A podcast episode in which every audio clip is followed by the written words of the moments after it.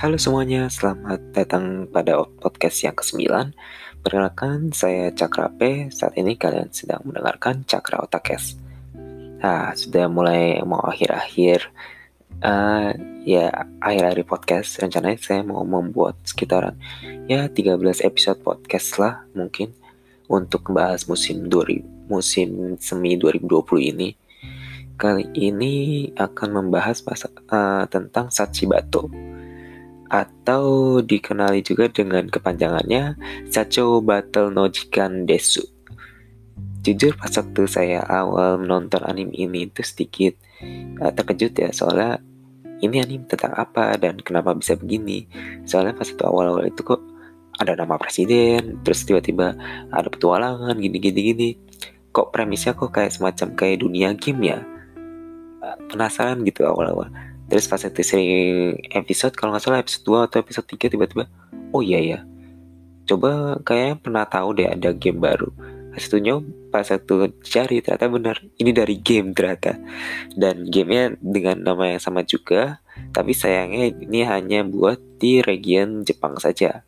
Ya soalnya dia diterbitin sama Kadokawa ya masalah Kadokawa nanti di lain waktu saja tapi ya ini bisa kalau kalian mau download harusnya bisa di co-op atau bisa. Soalnya saya pakai uh, Play Store Jepang jadi ya kalau di saya sih bisa aja kalau di kalian nggak tahu nanti gimana. Uh, seperti yang bisa kalian juga lihat kalau kalian lihat di Play Store itu uh, per tanggal sekarang berarti 26 ya itu ratingnya sangat kecil bahkan lebih buruk daripada game gacha yang saya kenal lainnya itu sekitar 2 satuan gitu. Ya gimana ya kalau saya bilang ya pas waktu saya awal nyoba main itu ya saya mainnya setelah udah tahu animenya sih sebenarnya. Jadi ini kayaknya animenya buat kayak ya promosiin kalau ada game gitu. Tapi pas itu saya coba gamenya itu jujur saya pas awal itu tertarik mau nyoba gamenya karena visualnya ngingetin kayak kayak Mono Friends. Mungkin karena ilustratornya sama atau gimana saya nggak tahu juga ya. Tapi mirip gitu. Jadi oh ya ya udahlah. Coba aja lah. Uh, ya sebagian stylenya juga imut-imut juga. Oke saya coba main. Ya lumayan lah. Grafik 3D-nya ngingetin kayak game catur gimana gitu lupa. Apa namanya game catur apa gitu tapi saya cukup suka pas itu main game itu. Tapi bedanya pas itu main game ini itu aneh. Anehnya itu bukan kayak gimana ya. Kalau kalian main game RPG atau simulasi pasti kan ada alurnya atau apa. Ya ini ada sih. Jadi kita tarung sama monster dan itu uh, tarung sama monsternya oke okay lah itu bisa dijelaskan secara sederhana kalau nggak paham bahasanya. Nah tiba-tiba pas waktu di sering-sering waktu itu ada juga kayak sistem kayak uh, kurang tahu juga sih kayak sistem quest gitu. Tapi ada kayak percakapannya. Dan kayak kita selama misi itu stuck di situ terus. Nggak tahu mungkin saya salah pencet atau gimana tapi ya gamenya di situ-situ terus. Nggak pernah berubah-ubah.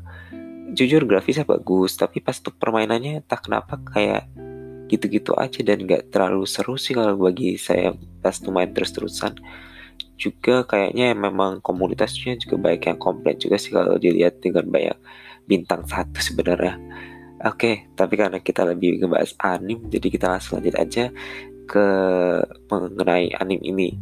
Jadi premis anim ini itu sebenarnya tentang karena kalau saya bilang itu, uh, jadi dunia itu tiba-tiba ada suatu gerbang uh, dan kalau dulu kan kalau dia isekai atau fantasi lainnya kita ada kayak guild dan lain-lain kan.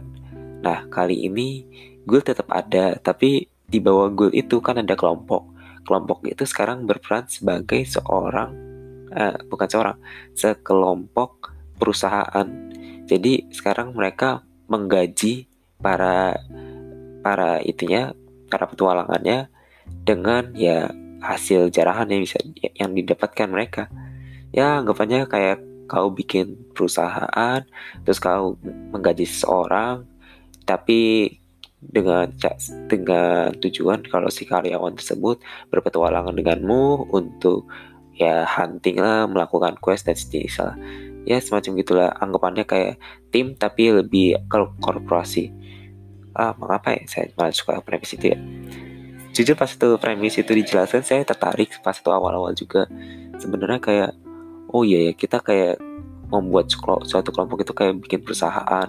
Kayak kita perlu dana buat operasional terus kita perlu peralatan juga yang perlu kita sediakan terus kita perlu ini perlu ini perlu ini. Itu pas awal-awal itu penjelasannya menarik gitu. Saya langsung immerse oh ya gini gini gini tapi pas itu eksekusinya di lapangannya uh, ya balik lagi ini anime fantasi. Jadi saya tidak bisa berkata banyak sebenarnya tapi masalahnya bukan karena fantasinya buruk atau apa. Jadi malah saya enjoy aja. Cuman fantasinya itu kayak terlalu general gitu. Ya juga ada bumbu-bumbu. Ini sangat terasa sekali ini adalah adaptasi dari game sebenarnya. Uh, mulai episode 2 sampai episode 3 itu kan udah mulai dijelasin kayak uh, ada beberapa quest yang cukup unik dan lain-lainnya.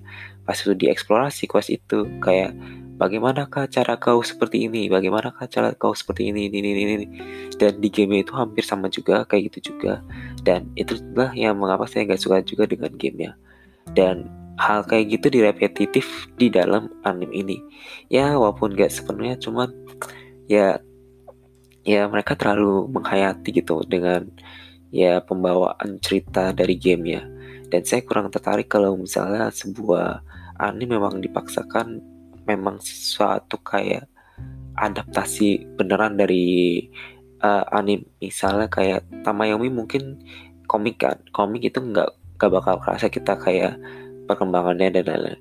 Kalau misalnya saya bisa bandingkan dengan game lainnya uh, oh Wixos mungkin. Saya seketika semua ingatnya itu Wixos itu contoh bagi saya itu di mana dia bisa mengeksekusi kalau iya ini dari game kartu tapi ini enggak kita saat menyajikan anime ini kita kayak ngepromosin kartu.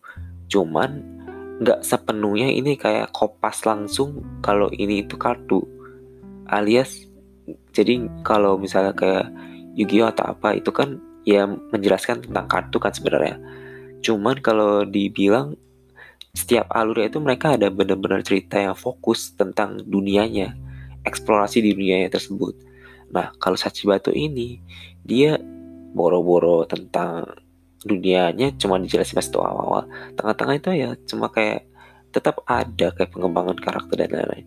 Cuman benar-benar stick to the game gitu. Jadi saya kurang terlalu suka pas itu tengah-tengah.